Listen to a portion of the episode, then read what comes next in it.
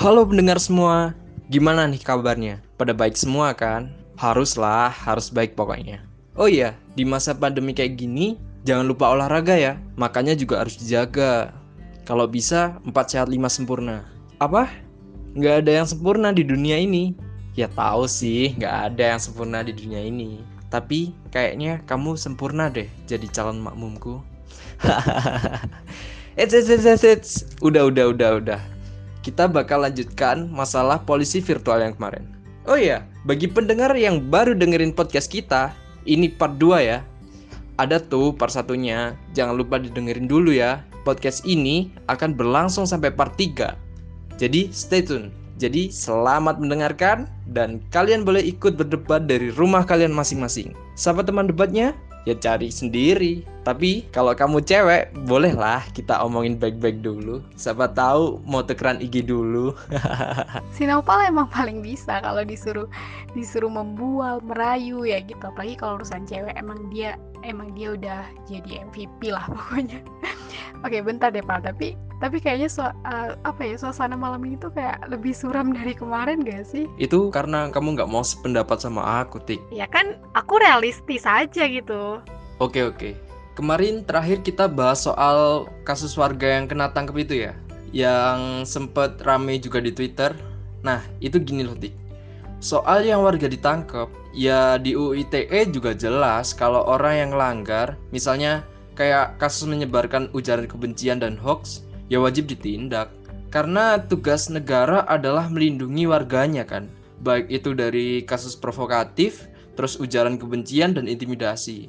Nah, dan soal yang langsung ditangkap itu, dia itu ditangkap sama polisi virtual karena mau diminta buat klarifikasi.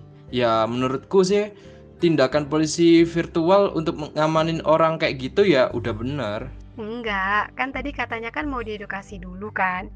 Menurutku edukasi itu ya cukup dengan memberikan peringatan terus disampaikan yang benar itu harusnya gimana, yang baik itu harusnya gimana. Itu menurutku edukasi itu kayak gitu gitu, bukan bukan langsung ditindak, langsung uh, ditangkap gitu, bukan kayak gitu. Karena kalau misalnya mereka kerjanya kayak gitu, sekali lagi aku katakan, apa bedanya mereka dengan patroli cyber? Patroli cyber juga ketika mereka menemukan kasus diserahkan ke atas ke ahli UITE, ahli bahasa kemudian ketika dinyatakan bersalah mereka langsung tangkap.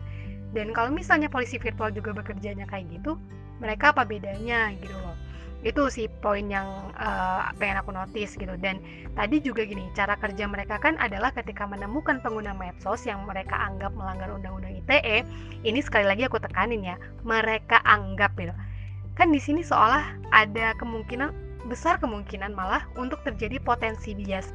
Jadi potensi bias itu kayak gini orang yang komentarnya sama dengan orang yang ditangkap karena mengkritik uh, wali kota Solo ini tuh banyak yang sejenis itu komentarnya banyak tapi polisi virtual um, nggak bisa mengamankan itu semua. Aku bukan SJW ya, aku bukan social justice warrior.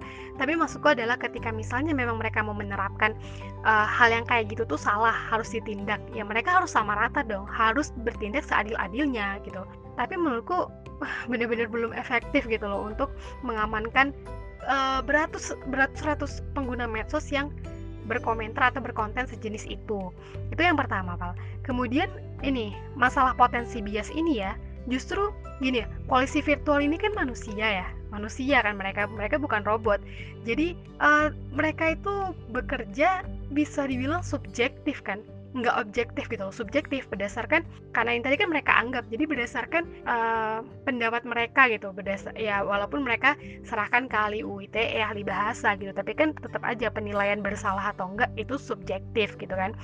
Dan uh, misalnya nih contoh lain dari potensi bias yang aku maksud ini adalah gini karena mereka manusia pasti ya namanya manusia tetap manusia pasti ada yang namanya rasa egois gitu kan. Uh, rasa kayak yang ini ini ditindak aja gitu yang ini mbak gitu kan gitu. Jadi contohnya gini misalnya gini. Contoh sederhana adalah aku bikin sebuah tweet misalnya gitu. Tujuanku adalah buat sarkas ke teman deket nih tapi ketemulah sama si polisi virtual. Terus aku ditindak ditangkap gitu kan. Karena dianggap menyebarkan ujaran kebencian gitu. Terus contoh kedua misalnya aku bikin sebuah konten satir tapi ditangkap juga karena dianggap menyebarkan hoax. Ini kan jadi jadi apa ya jadi lucu gitu kan. Ini juga ada pandangan ya ini ada pandangan dari sebuah pakar ya sebuah kan. Ini ada sebuah pandangan gitu dari pakar uh, literasi digital Universitas Gajah Mata Gajah Mada Dr. Novi gitu. Beliau mengatakan bahwa harusnya polisi virtual ini tuh kalau mau dibentuk mengutamakan yang namanya transparansi. Dan transparansi ini tuh bisa uh, di apa ya di dilakukan dengan sebelum dibentuk. Harusnya pihak kepolisian itu mengadakan sosialisasi dulu kepada masyarakat gitu loh. Karena batasan dan parameter mereka untuk nargetin yang harus ditindak itu yang kayak gimana yang nggak harus ditindak itu juga yang kayak gimana itu kan belum jelas.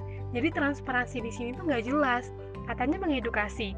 Tapi kita sendiri sebagai target mereka untuk diedukasi kita nggak dikasih tahu nggak dikasih pemahaman uh, tentang konten kita yang dianggap melanggar undang-undang ITE itu konten yang kayak gimana sih gitu? Kapan sih konten kita tuh dianggap melanggar? Harusnya kan diadakan sosialisasi terkait itu sejak awal sejak sebelum dibentuk gitu kan? Jadi kita sebagai pengguna medsos paham gitu apa yang boleh dan nggak boleh di konten itu yang pertama. Yang kedua adalah uh, eh, Dr. Novi ini juga mengatakan bahwa polisi virtual ini harusnya mengutamakan yang namanya perlindungan uh, apa ya perlindungan data diri gitu ini juga poin penting yang disampaikan pakar literasi digital UGM ini gitu. Tapi dari kasus penangkapan warga yang mengolok-ngolok wali kota Solo ini, kita kembali lagi ke sana ya. Poin perlindungan data diri pengguna media sosial ini kayaknya belum dipegang gitu. Karena buktinya data diri pelaku, eh, data diri yang dianggap pelaku gitu ya, ini bisa kesebar di media sosial. Ini kan berarti menunjukkan kalau perlindungan data diri pengguna media sosial ini tidak terjaga gitu. Dan Justru ya, bukannya mereka bersifat preventif yang seperti di awal disampaikan, tapi malah mereka jadi interventif, meresahkan masyarakat, bikin takut masyarakat. Gini loh, Tik. Virtual Police ini dibentuk untuk menghidupkan digital panopticon. Jadi bisa lebih mengawasi. Dan sebetulnya Virtual Police ini tuh kerjanya mendisiplinkan gitu loh. Kayak kasus yang kamu bilang barusan, ketika kamu bikin konten yang nggak berniat ujaran kebencian umum tapi ditindak, ya itu kan mereka mendisiplinkan. Jadi kita sebagai pengguna medsos juga akan lebih merasa aman dari hal-hal yang kayak gitu. Dan setelah ditindak kamu nggak langsung masuk penjara kok.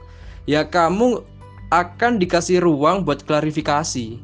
Itu adalah prosedur mereka. Dan aku benar-benar nggak sependapat sama pernyataan kamu yang bilang kalau keberadaan polisi virtual ini justru meresahkan masyarakat. Karena kalau diawasi terus-menerus dari kacamata yang pernah aku pelajari nih, ini akan menjaga, ya preventif tadi, menjaga dari masalah yang berkaitan dengan digital. Jadi negara lebih optimal buat menjaga dan mencegah itu lewat adanya polisi virtual ini. Dan polisi virtual menindak nggak akan langsung ambil keputusan. Mereka juga bekerja sama dengan pihak kominfo untuk menegur orang gitu. Dan juga masyarakat tuh bukan takut ya Tik ya tapi lebih ke jerah gitu loh. Tapi gini ya pal. Bentar bentar aku minum dulu. Kamu kalau mau minum minum aja. Oke balik ke topik. Uh, gini pal.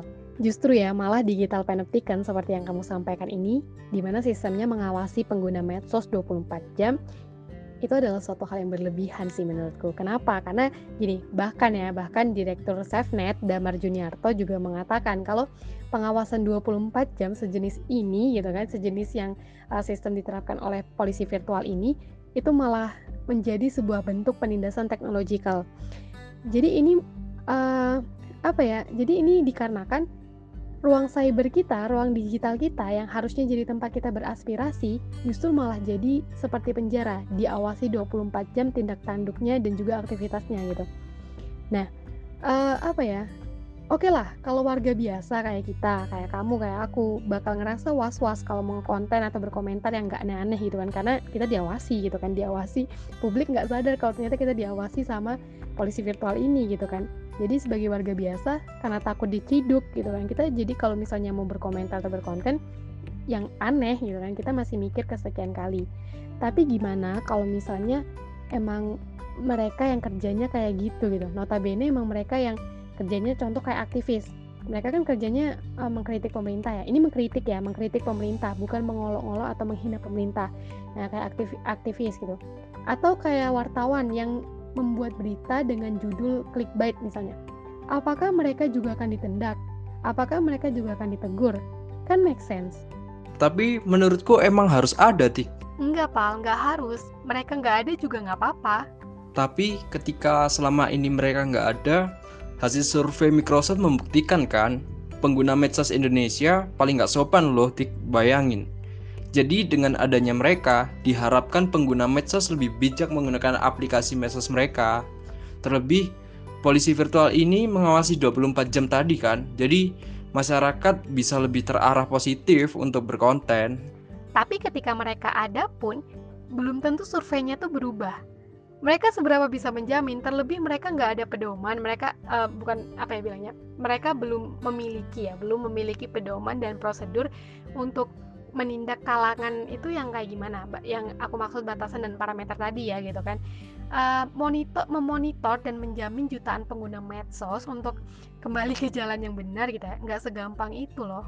Kalau mereka nggak bisa diharapkan gimana? Itulah kenapa polisi virtual ini dibuat buat ngeliat ada atau enggaknya perubahannya. Ya kalau cuma buat coba-coba aja mah nggak usah. Mending perbaiki sistem cyber yang ada dulu gitu sebelum membuat kebijakan baru kayak gini. Kalau cyber yang ada bisa dibantu dengan polisi virtual, kenapa enggak tik? Karena gini, ya kita semua tahu kan di masa pandemik di mana kayak semua orang tuh menghabiskan hampir seharian buat main HP ngakses berbagai medsos dan sekarang tuh banyak banget yang namanya kasus hoax lah. Terus apa ya? Menyebarkan ujaran kebencian kayak verbal bullying lewat sosial media yang tentunya itu jadi ancaman tersendiri kan bagi kita. Dan untuk solusi biar kita selamat dan terhindar dari hal semacam itu ya adanya polisi virtual ini dan itu udah langkah baru yang benar diambil oleh pihak kepolisian. Enggak, enggak. Aku masih nggak setuju dengan keberadaan polisi virtual ini. Dan alasannya akan aku jawab di part ketiga episode ini. Sampai jumpa di part selanjutnya.